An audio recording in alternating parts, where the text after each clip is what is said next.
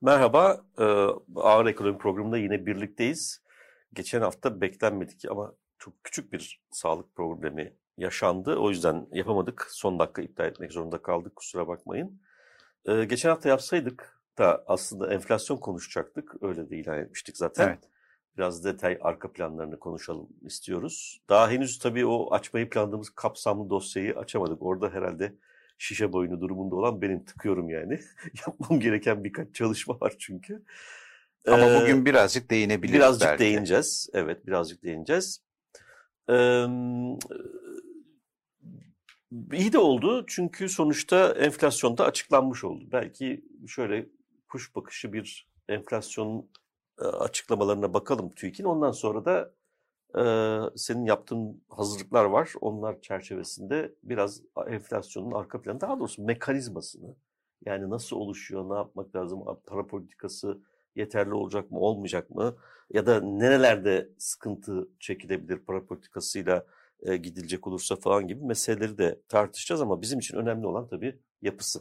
Yani enflasyon Türkiye'de neden böyle oluyor? Çok kitabi bir değerlendirme yapma imkanı da ortadan kalkmış durumda. Çünkü dünyanın hiçbir tarafında 60 yıldır yüksek enflasyonla yaşayan bir ülke yok. 70'lerden bu yana 50, 55 yıldır diyelim. 50 yıldır. Dolayısıyla ona gireceğiz. Peki ne açıklandı? Durum ne? Ona bir bakalım. Esasında biraz daha yüksek bekliyorduk herhalde değil mi? İTO 5'in üstünde açıklandı yanlış hatırlamıyorsam. Ee, Antalya'da Orhanların yaptığı e, tarımsal fiyat endeksleri falan da bayağı büyük bir yükseliş gösteriyor. Onu ayrı bir programda e, almamız gerekiyor. Çünkü e, Orhan'la ben sık sık konuşuyorum. Yeni bir tarım yasası ya da evet. benzeri bir şey var. Ona ilişkin e, değerlendirmeleri de var yazdığı bir yerlerde. Onu bir konu alırız belki. O gerçekten çok önemli. Çünkü gıda enflasyonundan bahsediyorsak eğer o arka planı gördüğünüz gibi hep üzerinde durduğumuz bir ana mekanizma var orada ama onun biraz daha evrilmesi gibi bir durumla karşı karşıyayız anladığım kadarıyla. Onu ele alacağız o yüzden. Şimdi geçen ay yani Eylül ayı enflasyonu TÜİK'in göre tüketici fiyat endeksinde 4.75'lik bir artış var. Enag'ın açıklaması ne kadardı? 6 küsür 6 küsür. 5 demek ki yani 3 aşağı 5 yukarı %50'lik bir artı sapmayla diyelim yine de şey var. Çünkü İTO'nunki beşlerdeydi yanlış hatırlamıyorsam. Eylül'de bu geçen yıl Eylül'de 3'müş. 21 Eylül'ünde ise 1.25'miş. Dolayısıyla Eylüller bazında bakacak olursak aslında enflasyonun raydan çıktığını net olarak görebiliyoruz. Bir önceki Aralık ayına göre değişim %49 yani bizim Ocak'tan bu yana 2023'te yaşadığımız enflasyon zaten %49, %50'ye ulaşmış durumda. Dolayısıyla bu hani ücret zamlarının e, taşıdığı e, anlamı tarif etmek için çok e, manidar bir rakam. Bunun ilk bölümünün de bir parça sapmalı yani aşağıya doğru saptırılmış diyelim sapmalı demeyelim de saptırılmış rakamlar içerdiğinde hatırlatalım altını çizelim. Bir önceki e, yılın aynı ayına göre değişim ise yüzde 62 aşağı yukarı 61 buçuk. Yani e, orta vadeli program bir ay sonra hemen hemen şaştı gibi diyebiliriz aslında. E yani Gerçi üç, o yıllık üç, enflasyonun Rakamı, o yıllık ama e, yıl sonu yüzde 65 olarak revize edildi. Onların da ne evet, yaptığını anlamıyorum. Yani bir evet. Merkez Bankası yani zırt pırt hedef mi değiştirir? Yani bir ay olmaz, işte iki ay içer şeyin e, bu programları yazanların, tahminleri yapanların falan filan kalitesinin ne olduğunu bize gösteriyor. Bir ay sonra e, bence yıl sonu 65'i de geçecek herhalde öyle gözüküyor yani. Eğilim e tamam şu anda tamam kalitesiz ama e, bu insanların e, yarın konusunda söylediklerine ben nasıl inanacağım? Tabii nasıl ki, beklenti tabii ki. oluşturacağım? Yani o mesele önemli. Şimdi ben istersen şurada hemen ilerlemeden bir şey söyleyebilir miyim? Tabii. Bu buyur. genellikle e, şimdi dün açıklanan rakamlarda herkes e, işte e, TÜİK'in yine saptığından falan bahsetti yani. Ama e, ben tam tersini söyleyeceğim. İlk defa e, ben genellikle e, birkaç tane e, rakamı e, ve tahmini e, aylık olarak izliyorum. İzliyorsun, Anadolu. Ajansı, evet. işte Merkez Bankası tahmini, İTO, e, ENAK ve bir de Menemen indeksimiz var bizim e, Caner Hoca'nın.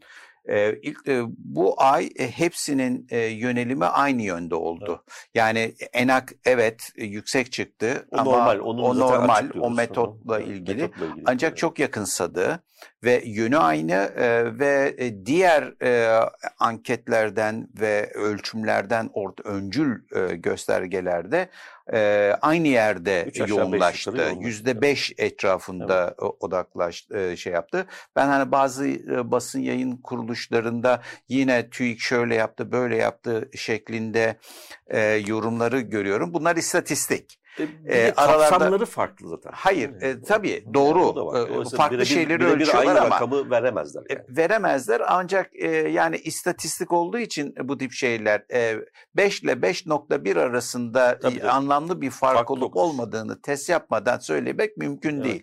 Dolayısıyla bu ana gerçek durumu ölçen şeyler değil, bir tahmindir. İstatistik her zaman bir tahmin verir. E, dolayısıyla bir eğilimlere bakacağız. E, birlikte hareket ediyor mu? Ve aralarındaki farkın e, boyutuna bakacağız. Çünkü çok küçük farklar var. 4.8 ile 5 arasındaki fark çok küçük. Dolayısıyla bunun hani testini yapsan aynı şey olsa, e, sepet olsa e, bu örneklem hatasından kaynaklanabilir, ölçme hatasından kaynaklanabilir. E, dolayısıyla çok o, farklı e, anlamı çıkmaz. Hani basın yayında bunlar... Alışkanlıktan gidiyorlar onlar. E, evet öyle gidiyorlar. Ee, ama e, şu andaki TÜİK'in e, e, açıklamış olduğu bu bu ayki rakamın çok büyük bir farklılık içerdiğini e, düşünmüyorum. Yani arkasına evet, evet. işte farklı e, öyküler yazmak, kötü e, öyküler yazmanın yeri yok e, bu ama, aşamada. Evet ama bir şey meselesi var tabii. E, onun e, sadece böyle bir hani çalışmak isteyen olsa çalışsın diye ortaya da koymak amacıyla söylüyorum. Şimdi geçmişte en az bir yıl e, TÜİK saptırdı. Neyi saptırdı? Endeks değerini saptırdı. Yani endeks değeri bize fiyatlar genel seviyesini gösteriyor çünkü. Fiyatlar genel seviyesinin e, ulaştığı seviyeyi o endeks rakamını bastırarak aşağı indi. Dolayısıyla aslında e, halen bak bu aylık artış oranı diğerleriyle örtüşüyor ama fiyatlar genel seviyesindeki o bastırılmış giderilmiş değil. Bastırılmışlık. O yüzden ben artış oranına hep bakarım. Evet Enflasyon. artış oranı öyle ama bu bizim geriye doğru kayıplarımızın devam ettiğini ve bu artış oranları ile de bu kaybın halen e, büyümekte olduğunu e, dikkat ederek e, söyleyelim. E, burada detaylara birazdan gireceğimiz için bu tüfenin detaylarını pas geçiyorum ama bizim hep bakma alışkanlığında olduğumuz bir şey de e, bir dizi e, rakam da var. O da yurt içi üretici fiyat endeksi. Yurt içi üretici fiyat endeksi işte bütün hepsini kapsayan, e, bütün sektörleri kapsayan bir şey. Bu 150'lere kadar çıkmıştı. Şimdi 47-44 yani geçen ay 49-41'de hafif bir yükselme trendi vardı. Onun bir dönem için aşağıya doğru 2 puanlık bir düşüş gösterdiğini söyleyebiliyoruz. Bu geçen yıl Eylül 22'de 4.79'muş, Eylül 2023'te 3.40'a düşmüş. Dolayısıyla orada böyle bir şey var, düşüş var. Peki yurt dışı üretici endeksi ne olmuş? Yani yurt dışına ihracat yapan e, sektörlerin e, karşı karşıya kaldığı e, maliyetleri gösteriyor. O da e, istikrarlı düşüşe devam ediyor. Yani Ağustos 2021'de bu biraz bir ay geriden geliyor yalnız. O daha Ağustos... çok enerjiyle ilgili. Evet, Enerji genel evet, o düş, fiyatlara düşük. bağlı. O çok önemli bir girdi çünkü. Ee, 2.64'müş geçen yıl 1.95 bu yıl e, yıl bir, bir önceki e, yılın aynı ayına göre %59.24. Ee, bir de hizmet üretici fiyat endeksi var. Onun üzerinde şimdi duracağız. Dolayısıyla bunu söyleyip hemen e, sana bırakacağım sözü. O da bir önceki aya göre e, 5.25'lik bir artış var. Yani genelin epeyce üstünde. Geçen yıla göre de yukarıda. Geçen yıl e, Ağustos 2022'de e, hizmet üretici fiyat endeksi 4.9'muş aşağı yukarı 4.89. Şimdi 5.25 olmuş. E, dolayısıyla orada da böyle bir maliyetlerden gelen bir şey var. Bunu birazdan konuşacağız. Zaten. Tabii. Tamam. Tüfe üzerinden konuşacağız ama buralara da atıf yapmamız e, gerekecek. Yani bu tüfede bir başka şey daha var. Tabii. E, mal bazına indiğin zaman mesela e, tabii e, mevsim e, e, okulların açıldığı bir mevsim olduğu için e, orada çok e, enteresan gelişmeler var. Yani ben e, bilmiyorum hatırlayan var mı? Başka bir dönem eğitim harcamalarının evet. fiyatlarının 81 nokta aşağı yukarı %81'e gelmiş. Aylık düzeyde 30, %30'u aşmış. Yani e, inanılmaz bir e, artış var. var. Yani, e, bunu şunun için söylüyorum. E, bu geçmişte bundan 20 yıl önce, 30 yıl önce e, çok anlamlı bir şey değildi. E, zaten bu düzeyde de artışlar e, e, toplumun geniş bir kesimini ilgilendirmiyordu. Neden? Çünkü eğitim bu kadar özelleşmiş değildi. Tabii e, piyasalaşmamıştı. Çünkü bu enflasyon rakamları ve artış oranları o mal piyasasının piyasalaşma oranıyla da ilgili bir şey.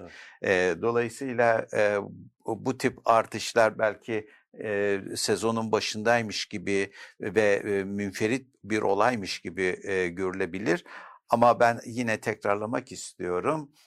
Devletin, kamunun eğitim konusunu e, tekrar masaya yatırması gerektiğini düşünüyorum. Yani e, eğitim sisteminin cemaatlere, şunlara, bunlara teslim edilmesi meselesi değil bu. Masadan kalkmıyor ki hiç. Masadan kalkmadığı için işte o din eğitimi ama işte, 16 saate geldi. Ama e, işte vatandaş devletin vermiş olduğu eğitime güvenmiyor. Evet. Ama ben çocuğum devletin bu imkandan yararlanmadığı için, devletin bastığı kitapları okumadığı için e, ben e, bunun vergisini veriyorum. Harcamaya katkıda bulunuyorum. E, kimin için? 3-5 tane tarikat, e, şeyhler, şıhlar e, kendi adamlarını yerleştirecekler. Kendi dar e, çerçevelerinde dünya görüşleriyle oluşturdukları bir müfredat ki çağ dışı bir müfredatı bu çocuklara okutacaklar e, diye. Olmaz böyle şey. Yani tabii orada daha derin bir problem de var.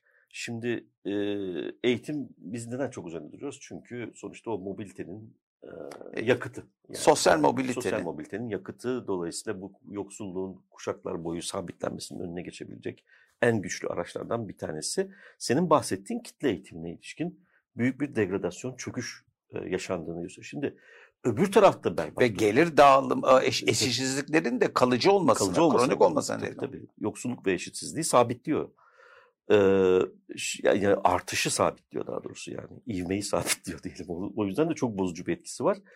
Şimdi bir vesileyle geçen yıl böyle Türkiye'nin en iyi e, öğrencilerini alan bir okulun, devlet okulu e, öğrencilerle konuşuyorum. Şimdi müfredat o kadar çağ dışı kalmış ki.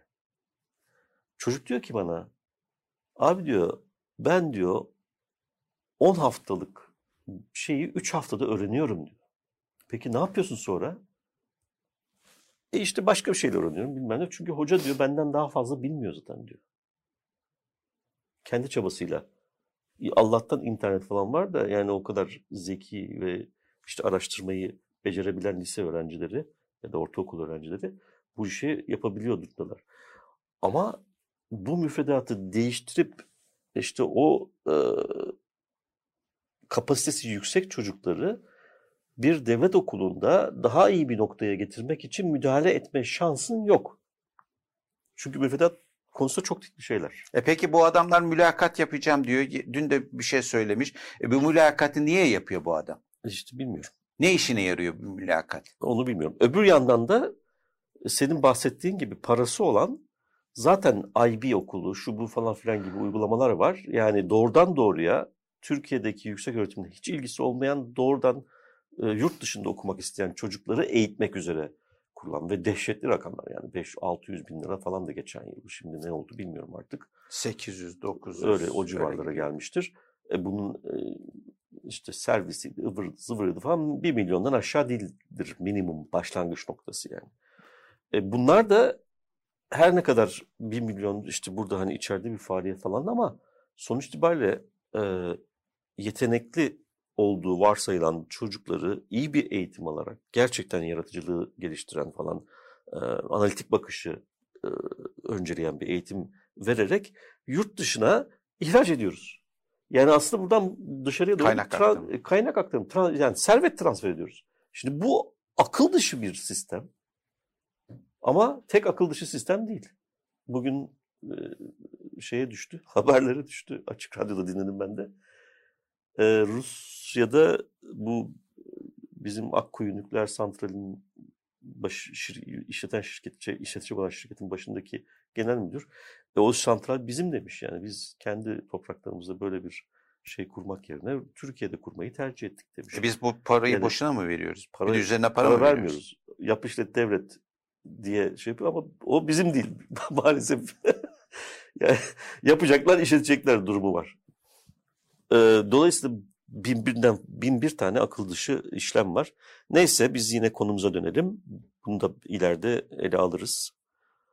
Ee, altın çizdiğin iyi oldu. Lokanta ve oteller, eğitim ve sağlık. Abi eğitim ve sağlık yani ne diyeceğimi hakikaten. Ki sağlıkta e, en son ilaç zamları falan etkili Henüz olmuştur yok. muhtemelen. Ve o zamlara rağmen yüzde kaç e, e, sa sağlık yıllık düzeyde yüzde seksenlere varan bir enflasyondan yani, bahsediyoruz. E, daha da yapılması gerekiyor üstelik bir de. Evet yani enflasyon tüfedeki artış yüzde 61 diyoruz ama e, zorunlu harcama kalemini e, konuda oluşturan yüzde altı neredeyse. Konu e, 5.76. Evet. E, zorunlu harcama kalemlerini içeren ulaştırma yüzde 76, sağlık yüzde 80, gıda eğit gıda yüzde 75, 75, 70 evet 75, eğitim yüzde 80. Hadi tamam 81. lokantayı boş ver. Dolayısıyla bunların ortalamasını alsak zaten e, dünyanın para şeyi tutuyor. Oranın olacak. Yani şeyin 60'ın nereden baksan bir yüzde yirmi. Yani sıradan vatandaşın enflasyonu yüzde 61'in çok üzerinde. Çok üzerinde. Yüzde seksenler civarında. Yetmişler üzerinde. seksen arasında bir yerde. Şimdi o, o da tabii şeyi çok etkiliyor. TÜİK'in açıkladığı rakamı. Et, bakışı hocam bir, yani, ben bir yerde de bunu söyledim. Şimdi gelir dağılımı bozulduğu için ve bütün insanlar e, to, e, nüfusun önemli bir kısmı alt gelirde e, sıkışmaya başladığı için evet. e, bütçede ağırlığı olan malların evet. fiyatlarına daha hassas olmaya başlar. Siz yüzde 61'i hesap e, şey yapın. Doğru olarak da şey yapın. Ama o insanlar hep e, düşük gelirli olduğu için artık bütçeler e, bundan etkilenecek ve e, enflasyonu hisset, hissedilen enflasyonu yüzde 61'in çok üzerinde hissedecekler. Bugün e, bu tartışma TÜİK e, öz, e, özelinde ortaya çıkan e, tartışma aslında bir gelir dağılımı probleminin sistemik bir problem. Sistemik bir problem. Onun bir yansıması, farklı evet. şekilde yansıması aynı zamanda. Tabii bunu söylerken de dipnot olarak da verelim. TÜİK'teki teknik hesaplamalarda e, bir e, aksaklığın olup olmadığı konusundaki eleştirilerimizi, rezervlerimizi e, tutarak evet. bunu söylüyoruz. Bu da bir realite. Böyle bir şey de var. Ona rağmen bu ona rağmen aksaklık ortaya çıkıyor. Dolayısıyla bir de bunun üstüne işte o birikmiş, saptırılmış fiyat düzeyini koyduğumuz zaman yani e, sanki burada her şey normal gidiyormuş gibi ama geçmişte e, bizim karşı karşıya kaldığımız enflasyonda TÜİK'in açıkladığı enflasyon arasındaki fark kapanmadı. Ve o etki bunun üzerinden büyük bir artışla devam ediyor. Dolayısıyla da e, normalde sıradan artık ortalama vatandaş hatta belki de e, alttan başlayarak yüzde 60-70'i al insanların onların hissettiği enflasyon TÜİK'in açıkladığı, hesapladığı enflasyondan çok çok daha yüksek. Tabii ikna edemezsin o insanları. Edemezsin. Çünkü ee, o gördüğü fiyata bakıyor yani. Ee, bu aynı zamanda son zamanlarda işte bizim kuşaktaki yaşı 40 yaşın üzerinde olanların e, ifade ettiği gibi geçmişte enflasyonu biz yaşadık ama bu boyutta, bu şiddetle, bu acımasızlıkla etkilerine evet. şahit olmadık e, diyorduk. Bunun sebebi gelir dağılımı açısından çok daha fazla dramatik ve ekonominin piyasalaşması açısından çok daha fazla ve dramatik bir durumun e, mevcut olmasından kaynaklanıyor. Biz o, o, o yüzden. Dolayısıyla e, bugün izlenilen Mehmet Bey'in e, özelinde e, ifade edilen bu e, kemer sıkma politikalarının hani 1980'lerdeki gibi 2000'lerin başındaki gibi e, o politikaların bu haliyle e, Türkiye'de çok daha dramatik, trajik e, sonuçlara e, yol açabileceğini rahatlıkla söyleyebiliyoruz. Evet. Somut bir örnek vermek istediğimi anlatayım şimdi. Ee, şimdi diyelim ki TÜİK'in e, bu enflasyonu saptırmaya başlamadan önceki dönemde fiyatlar genel seviyesini 100 alalım. 100 alalım. Ee, bu fiyatlar genel seviyesi çıktı 150'ye 200'e. TÜİK de geldi diyelim işte bastırdı şunu yaptı bunu yaptı 120'ye 130'a.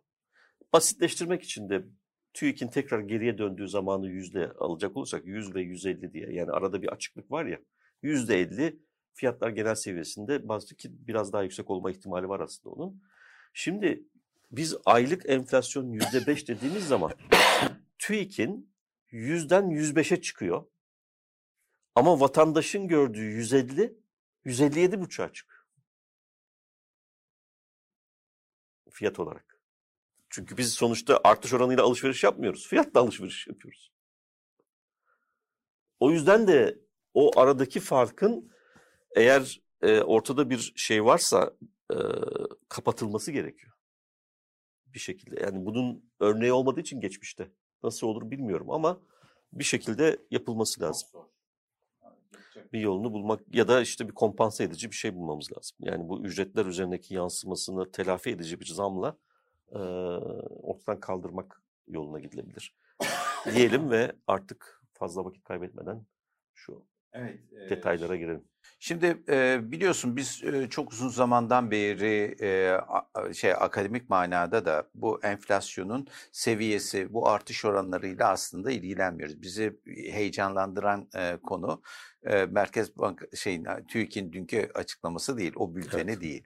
Evet. Ya da yüzde beşler, yüzde yedi buçuklar ya da e, ölçüyor mu, doğru ölçüyor mu, ölçmüyor mu? Ancak e, ister doğru ölçtüğüne ikna olun, ister e, olmadı yani ölçmediğine. Ancak detaya girdiğiniz zaman, ormanın içine girdiğiniz zaman oradan bir öykü çıkıyor e, gariplik Heybedeki çıkıyor. turpu saklamak mümkün değil e, yani. Tabii ki yani istediğiniz kadar e, müdahale edin siz e, fiyatlara.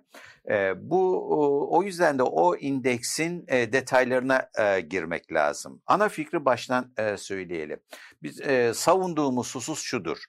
E, bugün para politikasını icra edenler, icra edenler yani Merkez Bankası ve e, Mehmet Bey'i ifade ediyorum e, ve sorumluluğunu alan e, bu e, bürokratik e, kadro e, genel enflasyonu özellikle de çekirdek enflasyonu dikkate alarak Değil mi? Orada evet. kendilerine hedef e, koyuyorlar. İşte e, tüfe yüzde 62 olacak falan e, diyorlar ve bütün kamuoyunu ekonomi esnafı diyelim piyasa esnafı da e, bütün e, performansı ekonomik performansı e, buna bakarak o seviyeye bakarak analiz etmeye, yorumlar yapmaya çalışıyor. Televizyonlarda da görülen odur. Oysa bu e, yeterli, e, gereklidir ama yeterli bir analiz yöntemi değildir. Çünkü o tüfe endeksinin detaylarında asıl öykü e, saklı. E, saklı. O öykü ekonomide bizim uygulayacağımız bu para politikası ve faiz politikasına faiz politikası ekonominin nasıl tepki vereceğinin de göstergesidir. Biz sanıyoruz ki ekonomi bir bütündür.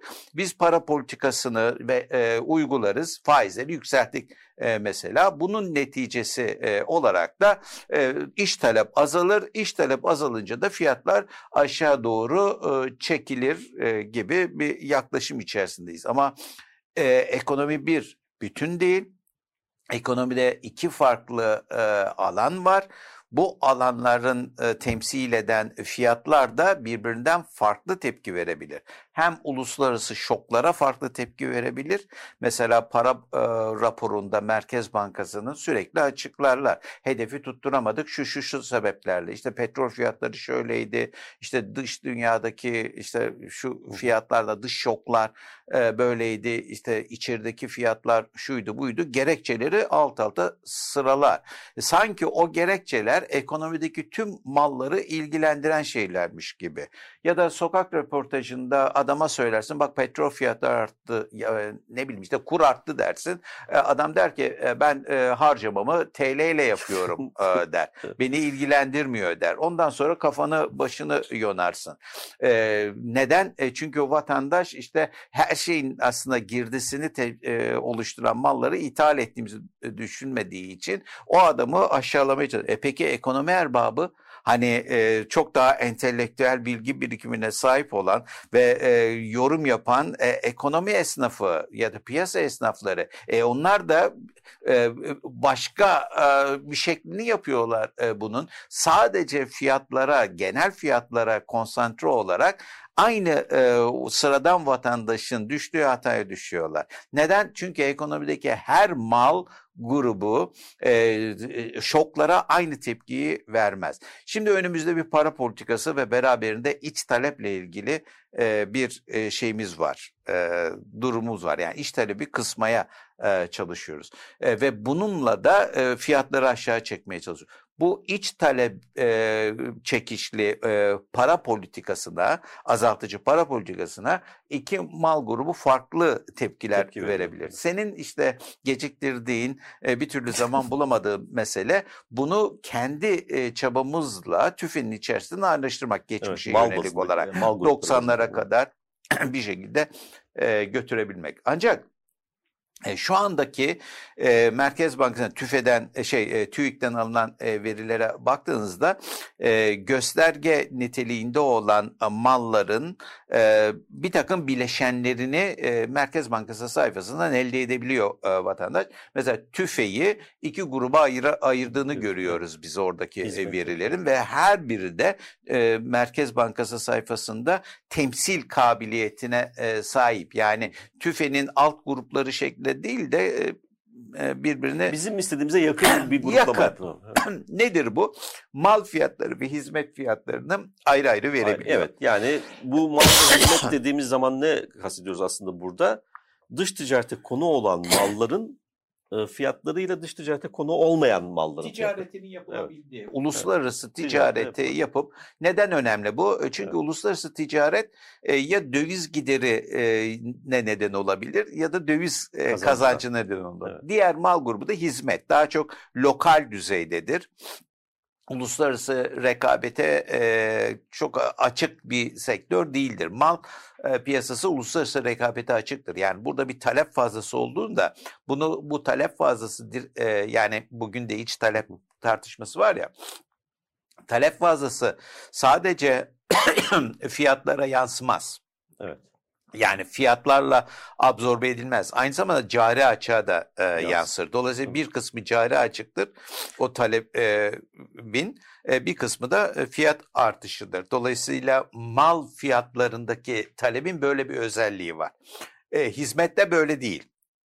Hizmette e, dolaylı bir cari açık ilişkisi vardı. Bizim Burç'la yaptığımız çalışmalarda falan evet, işte evet. akademik çalışmalar bunun üzerineydi e, hizmet e, iç talep hizmete yönelirse hizmet e, tarzında mallara onun e, direkt absorbe edileceği yer e, fiyatlardır. Şimdi ekonomide bir iç talep olduğunda biz bazen işte vatandaşa soruyoruz e, efendim e, ekonomik kriz var ne düşünüyorsunuz? Yok ekonomik kriz işte lokantalar dolu, oteller dolu e, diyor. E, çünkü bu e, iç talep e, bin canlı olmasıyla ilgili bir şeydir. Bu krizin olmadığı anlamına gelmez. Bir iç talebin yönlenmesinde bir çarpıklığın olduğu anlamına gelir. E, otel doluysa, lokantalar doluysa demek ki iç talebin hizmet sektörüne yönelik bir iç talep e, söz konusudur. E, bunun zaten mal piyasasında yansıması da cari açık olarak ortaya çıkıyor. Zaten cari açında durumu bellidir. Arkadaşlardan rica edelim grafik biri e, getirirlerse. Bu arada e, grafik biri konurken Burç dedik biz böyle sohbet ederken isim şey yapıyoruz. Bu sevgili arkadaşımız, değerli meslektaşımız e, Burç Ülengin'den bahsediyoruz. Evet. İstanbul Teknik evet. Üniversitesi profesör. E, onunla hem üçümüzün hem senin ayrıca pek çok e, ortak çalışmam var. Onlara atıf yapmış olduk. Bizim için e, aynı zamanda çok değerli bir evet. e, arkadaşımız olduğu için zaman zaman İnanılmaz, e, evet. telaffuz edebiliriz. Kusurumuza bakmayın kendi aramızdaki şeylerden dolayı, e, samimiyetten dolayı. Şimdi bu e, TÜFE'nin hani evvelki gün açıklanan e, TÜFE'nin e, seyri e, dikkat edersiniz ve ayrıştırmış hali e, bu maviyle e, gör, e, şey yeşille görülen tüfe e, endeksi toplam e, endeksi kırmızı e, bizim e, hizmet e, fiyatları mavi de mal fiyatları dikkat ederseniz bir e, bombe yapmış bir e, dönemde. Ne zaman? 2021. 2022 Ocak ayında ayrışmaya başlıyor. Ne zamana kadar? İşte bu son 2-3 aya kadar. E, son yani seçim e, dönemi e, diyelim e, ayrışıyor. Yani mal fiyatları hizmet e, fiyatlarının üzerinde seyrediyor. Bu fiyat artış oranı değil.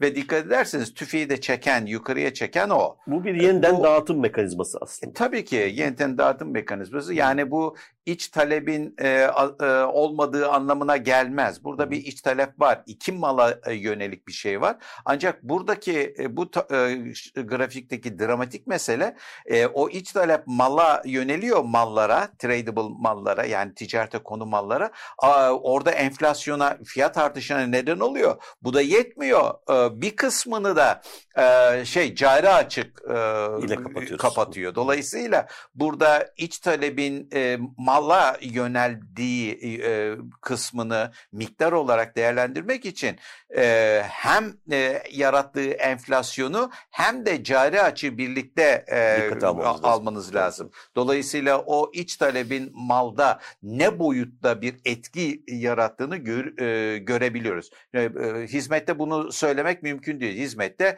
iç talebin hepsi fiyatlara e, gider, absorbe e, edilir. Dolayısıyla bu 2022 e, yani aslında seçim dönemi son bir yıl seçimlerden önceki bir yıl boyunca ekonomide ciddi manada mala yönelik bu sadece vatandaş değil aynı zamanda işte vatandaşın tükettiği malların stokları da muhtemelen burada bir şekilde e, aşırı bir e, talebin hem cari açık yaratacak şekilde hem de mal mal fiyatlarında enflasyon yaratacak şekilde bir genişlemeye neden olduğunu e, biz e, görüyoruz. Dolayısıyla e, bunu e, şimdi Merkez Bankası para politikası ile ne ediyor? Enflasyonu düşüreceğim diyor. Yani yeşili aşağı doğru çekeceğim diyor. Oysa e, burada bir başka e, problem daha var.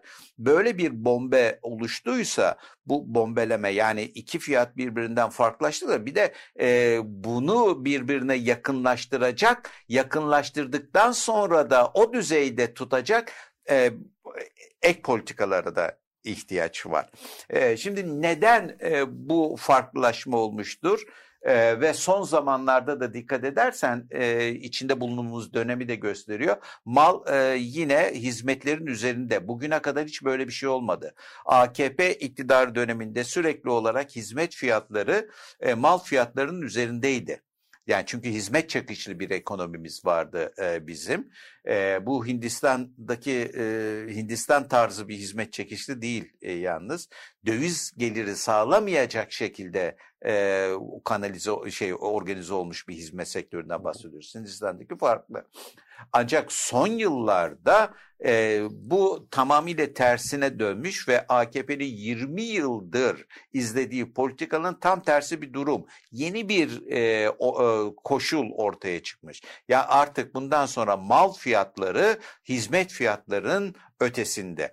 Bunu bir kere e, e, düzeltmek e, belki e, bir, gerekiyor. Bir, bir ee, şeyden e, kuşkumu bir kenara not edelim. Yani cevabını veremeyiz bu sorunun ama bu TÜİK biraz böyle kuş TÜİK'in kuşkulu e, rakamları da hemen hemen aynı tarihlerde ayyuka çıkmıştı 2022'nin Ocak ayında. Acaba bu saptırma eylemi iki grup malda aynı oranda mı gerçekleşti yoksa burada farklı Hizmetlerde bir... yapamazsınız onu. Nasıl yapacaksınız hizmetlerde? E ne olacak canım TÜİK topladığı rakamı çat çat çat. Yani ben şeyden kuşkulanıyorum da bu mekanizmanın nasıl olduğunu bilmediğimiz için. Ama mal ee, fiyatları daha yüksek daha yüksek. İşte bilmiyorum gerçek görüntü bu mu değil mi ondan kuşkuluyum da o yüzden. Ee, sonuç itibariyle büyük ölçüde bu eğer bir şey varsa fiyatlar seviyesinde müdahale varsa bu online topladığı fiyatlarda yapılması kolay olur. Çünkü o çok az kişinin bulaştığı bir şey. Olabilir. Ve yüzde otuzlara falan varıyor. Şimdi bunlar da Anomali olduğunun göstergesi. Ha. Yani bugüne kadar ki yani ciddi bir artış var iki fiyatta da. Ama bir de e, bu fiyatlar arasında bir ayrışma Çünkü var. Çünkü bir de şey problemi vardı ya hatırlıyorsun aynı dönemde bir türlü anlamlandıramadığımız üretici fiyatlarda da evet, e, doğrudur. yüzde yüz ellilere varan bence ölçüm hatası içeren yani o yüzde yüz elliye çıkmış olamaz o fiyat diye düşünüyordum ama bilemiyoruz yani detayları olmadığı için. E, şeffaf değil ki sistem. Evet. E, dolayısıyla bu bir rezervle yapıyoruz bu yorumu diye altını çizeyim istedim. E, yani resmi rakam olduğu için işte, Mecburen e, o rezerv e, evet. var e, mevcut. Şimdi ikinci grafiğe e, gelirsek ben genellikle hani sen de bilirsin iktisatçı Hı. olarak göreli fiyatlara e, önem veririm. Yani mutlak fiyatlar değil. İktisatçı evet. kendisine. Evet. O yüzden de ekonomistle iktisatçı birbirinden farklı, farklı. şeylerdir. İktisatçıya ha, göre. Bu basit bir şekilde. Ekonomist belki enflasyonun kendisine bakar seviyesine. İktisatçı ise göreli fiyatlara Şöyle, bakar. Şöyle iktisatçı için ekonomi bir göreli fiyatlar sistemidir. Aynen. Ee, ekonomist için marjlar sistemidir diyelim. Evet yani e, yani bazen insanlar e, bazen iktisatçı yazıyoruz ünvanla. Ben çok hassasım bu konuda evet. ama maalesef e, basındaki arkadaşlara çok ifade etmiş olmama rağmen bunları e, hassasiyetimi e, ünvan olarak ekonomist yazıyor. Evet. Yani ben Daha ev ekonomisinden anlamam. Havalı ee, için öyle evet yani belki öyle ama ben iktisatçıyım. E, bunun anlamı e, böyle. E, ihtiyaç da var zaten böyle bir anlam farkında. Şimdi göreli fiyatlar dediğimiz şey hizmet fiyatlarını biz e, mal fiyatlarına bölüyoruz. Ekonomideki kaynak dağılımını hani madem iktisatçı kaynak dağılımını optimize etmeye çalışan bir bilim dalı ve onu yapan kişi ekonomist e, o yüzden e, göreli fiyatlara e, bakarız. Göreli fiyatlar bize nasıl bir mesaj veriyor, bilgi veriyor. Hizmet fiyatlarını mal fiyatlarına böldük. Bu aynı zamanda bizim Sebastian Edwards vari bir reel kur e, tanımımız ülke içerisindeki değil mi? Evet. E, sektörler e, karlılık oranlarını gösteriyor. Şimdi Türkiye'ye baktığın zaman 2019'un sonuna kadar hizmet fiyatlarının birin üzerinde olduğunu yani hizmet sektörünün e, hizmet piyasalarındaki fiyat oluşumunun daha cazip, daha yüksek olduğunu görüyorsun mal fiyatına göre. Bu zaten AKP döneminin genel karakteristik özelliği. 2003'ten beri var bu o veri e, web sayfasında. E, ben buraya onların hepsini almadım. E, son zamanlardaki bombelem e, şişmeyi görebilmek için. için. E, ama e, AKP döneminde bu var. E, hizmet fiyatları her zaman yüksek. Öyle de olması gerekiyor sanırım. Çünkü ekonominin yüzde altmışına yakını hem istihdam açısından hem üretim açısından hizmet sektörü. Büyük bir sektör. bir de bizim imalat sektörümüz değer üretemediği için daha da köklü bir nedeni var. Onu sanırım e, önümüzdeki yıl başında falan bir dosya yapmak zorunda kalacağız hissettiğim kadarıyla. Bunun bizim toplumsal değişimimizle siyaset yap ya da anti siyaset diyelim yapısıyla çok bağlantılı, çok içe geçmiş. Dolayısıyla daha çok köklü ve belki de karşı konulmaz o bakımdan evet. bir 2000, eğilim var yani. 2018'deki kur ayarlaması Rahip Branson meselesi ve onunla birlikte kur ayarlamalı da fiyatları aşağı doğru çekiyor. çekiyor. Türkiye'de bakın ciddi bir e, öykü değişimi e, yaşıyoruz biz. Yani sadece enflasyonun bugünkü seviyesi ENAK'la TÜİK arasındaki farka odaklanmak doğru değil. değil. E, öykü çok daha evet. e, derinde. 19 ve pandemi döneminde neredeyse bunlar birebir bir durumda. Biz bu dönem içerisinde cari açık vermeye de önemli miktarda devam ediyoruz. Azalsa da veriyoruz yani kaynak tüketen bir ekonomiden bahsediyoruz. Bu fiyatların hizmet fiyatlarının yüksek olmasının sebebi de bu sektördeki talebi destekleyecek kaynağa sahip olmamız.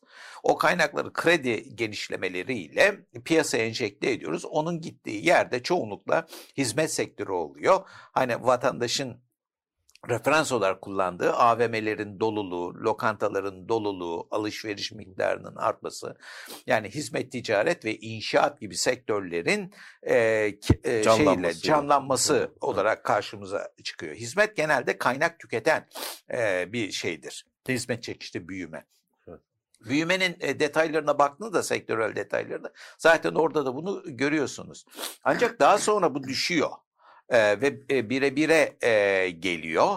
E, demek ki e, bu da bir pandemi etkisi de var e, Sürdürülemez burada. bir halde olması. O e, tabii kaynak bulmakta da zorlanılıyor. Zaten o dönemlerde hizmet sektörünün e, hani fiyatlarının düşmesi, buna mukabil e, mal fiyatlarının artması e, nispi fiyatları çok özür dilerim öksürük için e, dengeye getiriyor. Ama daha sonraki dönemde 2001 açılmayla e, birlikte bu sefer mal fiyatları cazibesi yani Türk lirasının e, büyük miktarlarda değer kaybı biliyorsun Hazira, şey Aralık 2001'in aralığın 21'inde KKM ye sebep olan bir kur şoku falan da yaşadık. TL e, çok büyük miktarlarda değer e, kaybediyor ve bu da tabii ki e, mal fiyatlarının tradable dediğimiz ticarete konu malların e, fiyatlarının düşmesine, göreli olarak düşmesine neden oluyor. Orada da biraz önceki e, grafikte sarı çizginin o birin altında bir durum çıkartıyor. Yani Türk lirasının e, değerli olduğu bir durum. Ancak e, bu 2022'nin 6. ayından sonra tersine bir e, eğilim gösteriyor ve dünkü açıklamayla birlikte de bire doğru hareket devam ediyor. Neden bu bizim için dert? Şunun için dert. Bu izlenilen para politikasının Mehmet Bey'in ifade ettiği para politikası enflasyonla mücadele e, ederken iç talebi e, kısmaya, sıkılaştırmaya, iç talebi sıkılaştırdığınız zaman e, talep de azalacak, şey e, hizmete ve mala gidecek e, talep miktarı da azalacak. E, bu da işte oradaki enflasyona neden olacak fazla talebi absorbe edecek. E, peki ama e, aynı zamanda bir de büyüme hedefi var. Dün zaten Gaye Hanım da Gaye Erkan Hanım da e, plan bütçede yaptığı konuşmada büyümeden fedakarlık edilmeyeceğini Söyledi, ifa, e, evet. söylemiş. E, bunu yaparken de e, büyüme hedefinde koruyorsanız e, iç talepten kaybettiğiniz e, kazancı, büyüme kazancını Dışarıda. dış taleple telafi etmeniz lazım. Şimdi bu rakam diyor ki bunu yapabilmenin yolu yok. Yani fiyat nispi fiyatlar itibariyle e, hizmetler daha cazip hale geliyor. Dolayısıyla ben e, sanayici olarak niye, e, niye burada üretim yapayım? Neden e, burada Kalıcı mal stoklayayım? Yani. Değil mi? Kalıcı Gider, listeler alıyorsun bir sürü. Evet. E, dolayısıyla e, dış talebin iç talebi ikame edebilme özelliği bu fiyat, bu göreli fiyat yapısına göre e, mümkün değil. Dolayısıyla bu mevcut bu istediğiniz kadar siz düşürün enflasyonu ama enflasyon politika e, fa, e, bu izlediğiniz politikalara her iki mal grubunun farklı tepki göstermesi sebebiyle e, nispi fiyatlar aleyhinde izlemek istediğiniz politikanın aleyhine işliyor. Belki toplamda düşürüyorsunuz enflasyonu ama e, bileşenini bozuyorsunuz. E, neden bozuluyor bileşen? Çünkü para politikası o bileşenin e, bileşenler arasındaki dengeyi gözetebilecek bir politika değil. Bu yapısal e, bir problemdir enflasyon e, problemi Türkiye. Dolayısıyla yapısal program e, izlenmeli. Yap, bunu yapısal e, politikalarla evet. desteklenmesi lazım. E onu yapmadan, açıklamadan siz e, langur lungur işte yaparım hani Türk gibi başlar derler ya. Hani başlarsın 90 dakikalık oyuna. Gerçi Galatasaray e, 90 dakika e, aynı performansı göstermiş ama e, o olağanüstü bir durum o. E, Dalgalanma vardı maç içinde ama olsun. Başlarsınız e, ondan sonra ilk 20 20 dakikadır genelde Şöyle, Türk'te. Tam, tam, 20 dakikadan sonra Rolanti'de oynar. Galatasaray'ın oyunu da böyle oldu. Bir başladık falan böyle ondan sonra 1-0 mağlup duruma düştü. Hadi o bir tekrar o bizim şey, bir daha düştü. E, Fatih Hoca'nın da şeyidir yani e, presle başlardı eski hani onun meşhur takımı. Presle ve sonuç elde ederdi. Ondan sonra da yatardı. Sonuç elde edemeden gol yedi bu sefer presle ama tekrar devam etti yani hiçbir zaman o, düşmediler. Düşmediler. Evet, dolayısıyla bu e, izlediğimiz politikalar açısından bileşenlerini dikkate e, aldığınızda e, bir takım zaaflar e, içeriyor. E, bu e, şeklin e, sonunda üçüncü e, şeklimizi de bir Grafiğe bakalım. bakalım. Hı hı.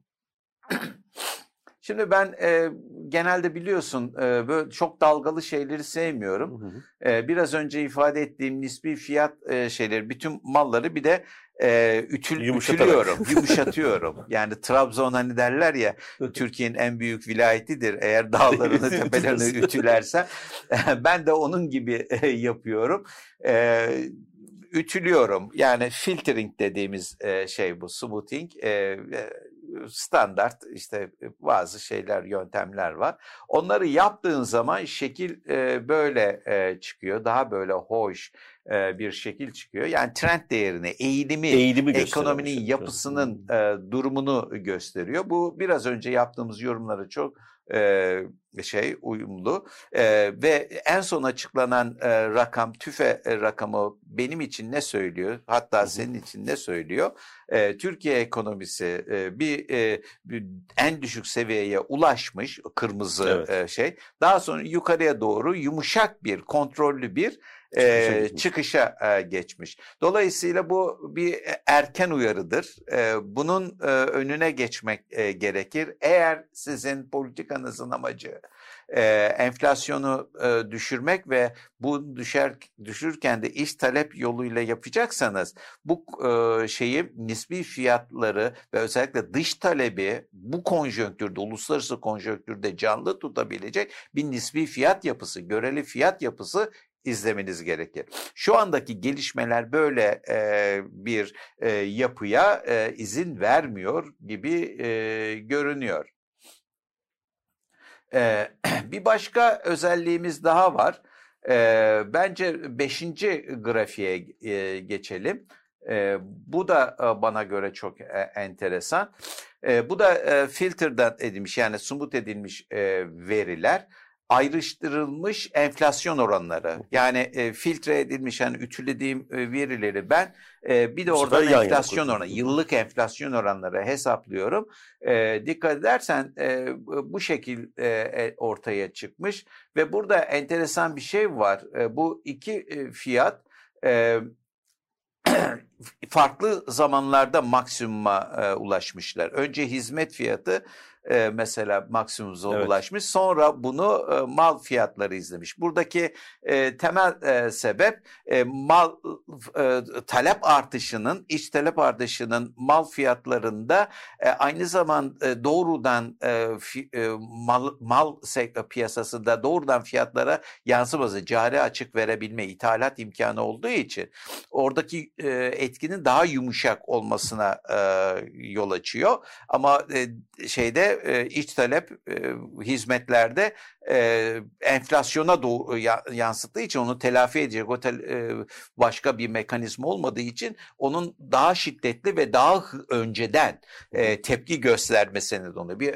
e, dolayısıyla biz hizmet sektöründeki e, fiyatları bugünkü fiyat gelişmelerine bakıp yarın e, şeyin e, e, alacağı e, mal fiyatlarındaki durum hakkında da e, fikir edinebiliyoruz. Ancak Nisan ayına e, geldiğimizde bu eğilim e, tersine e, dönüyor ve biz yani mal fiyatları e, hizmet fiyatlarının altına e, üzerine çıkmış. Yani bu, e, bu hizmet sektörü e, ekonomik e, sıkıntılardan e, büyük ölçüde etkilenmiş evet. ve burada daha o zaman para politikası da başlamamıştı herhalde. Para politikasının etkisinden direkt olarak bahsetmek mümkün değil. Yani ekonominin genel e, gidişatından e, olumsuz yönde etkilenerek fiyatlar fiyatlar farklı yönde yöne, farklı yöne yönelmeye başlamış ama malda öyle değil ve dikkat edersen bu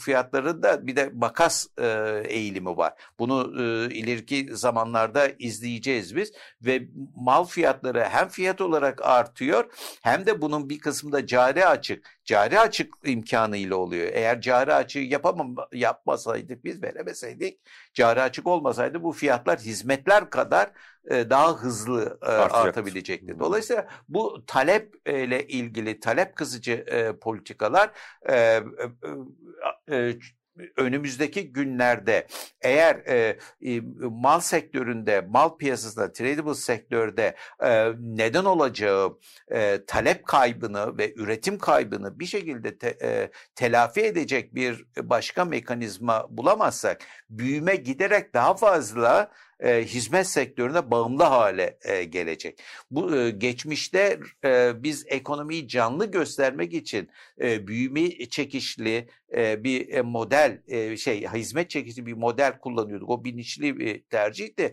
Ama şimdi krizden çıkabilmek için bu sefer hizmet sektörüne e, yönelen bir iktidarla karşı karşıya kalabiliriz. Dikkat edin şu andaki ekonomik yorumlar hep 2024'teki mali seçimleri referans alıyor ve o mali seçimlerden sonra iktidarın nedense daha doğru politikalar olması gereken politikaları tavizsiz evet. uygulayacağını ifade ediyor.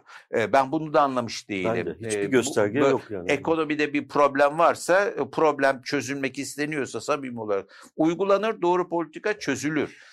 Eğer siz seçimi endeksli yapıyorsanız bu politikanın aşırı politikanın siyasetin para politikası içerisinde aşırı içselleşmesi demektir. Bunun sorumlusu başkanlık sistemidir. Şu andaki anayasal tartışmaları da dikkate alırsak bu anayasa tartışmasının öznesi de seçim başkanlık seçimindeki yüzde 51 yüzde 50 artı 1 e, meselesi olduğunu düşünürsek, onu e, değiştirmek ve Sayın Cumhurbaşkanı'nın tekrar seçilmesiyle e, ilgili e, bir e, kurumsal çerçeve oluşturmak olduğunu düşünürsek, bu e, 2024 seçimlerinden sonra da Türkiye'de yeni bir seçim atmosferinin iddianın ortaya çıkacağının wow. göstergesidir. E, o durumda da e, neden e, siyaset e, o tip e, yıkıcı, siyasi e, sonuçları yıkıcı olan bir politika belirlesin. Bu yüzden de ben hem ekonomi esnafını, finans esnafını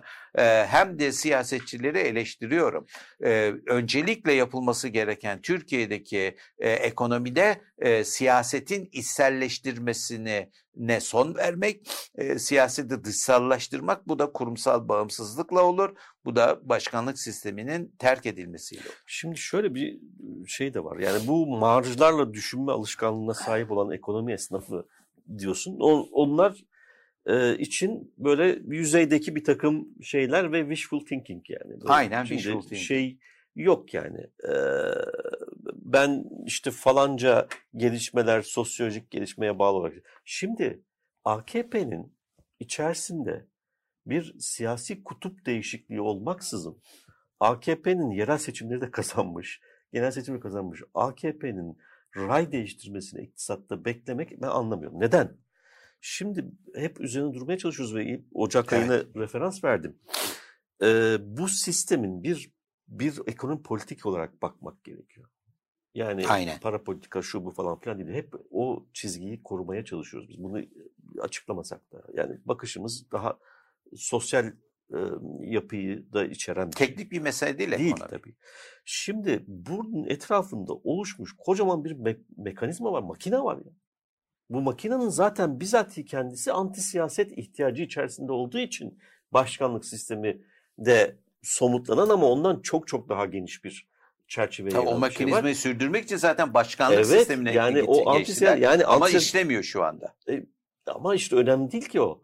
Önemli olan çünkü o e, işleyişin nasıl tarif edildiği değil. Bak onu değiştirecek işte anayasa değişikliğiyle. Değil mi? Yüzde 50 bir 50 artı bir çalışmıyorsa ne bileyim tek tek turlu çoğunlukçu bir başkanlık sistemleri daha iyice rezil bir hale gelecek ama sonuçta bu sistemin özü e, toplumsal bu şeyden iktisadi yapıdan bu e, rant dağıtım mekanizması kamu rantlarını da içeren ama özel transferleri de içeren. Çünkü az önce hep altını çizmeye çalıştım sen konuşurken böyle araya saplamalar belki iyi anlaşılmamıştır. Ama bütün bu cari açık verme, ondan sonra işte e, dış dışarıda konu olmayan malların fiyatlarının e, kolayca yükselebilmesini sağlay sağlama bunların hepsi bir e, mekanizmanın ürünü, bir mekanizma ihtiyacı. Orada Tabii. devasa bir şey ve bir 20 yıl boyunca bunu ördüler zaten. E, zaten o siyasetin ee, sonucunda hizmet çekişli evet. bir ekonomi Dolayısıyla yaratalım. bu bu düzenin devam etmesi için bu düzenden, iktisadi düzenden e, zarar görenlerin siyasi bir e, tezahüre tezahür ya da siyasetten tezahür etmesini engellemeleri gerekiyor. Yani anti siyaset burada yaşamsal bir ihtiyaç. Çünkü eğer e, halkı ya da bütün geniş kesimleri siyasetin iç dışına itmezsen, siyaseti sadece danışmanlardan, think tanklerden, anket şirketlerinden ibaret bir e, mekanizmaya, Saçmala. oyun alanına dönüştürürsen ancak yürüyebilirsin. Şimdi zaten dolayısıyla buradan da muhalefetin ne yapması gerektiğini e, şey yapıyoruz. Bu sistemi toptan yani görünürdeki muhalefeti ve iktidarda dahil yani bu sistemin bir oyuncusu olmak yerine evet. sistemi e, değiştirmemiz değiştirecek. Yani yapısal bir problem var. Meşaroş'un rahmetli deyimiyle yapısal bir çözüm gerektiriyor. Bu yapısal çözüm bu sistemin tamamen dışarı itilmesiyle olabilecek bir şey. Çare o. Çare o. Yani yaparız yapamayız ama bunu denemeden e, bu işi yapmanın imkanı e, yok. Çok geciktik.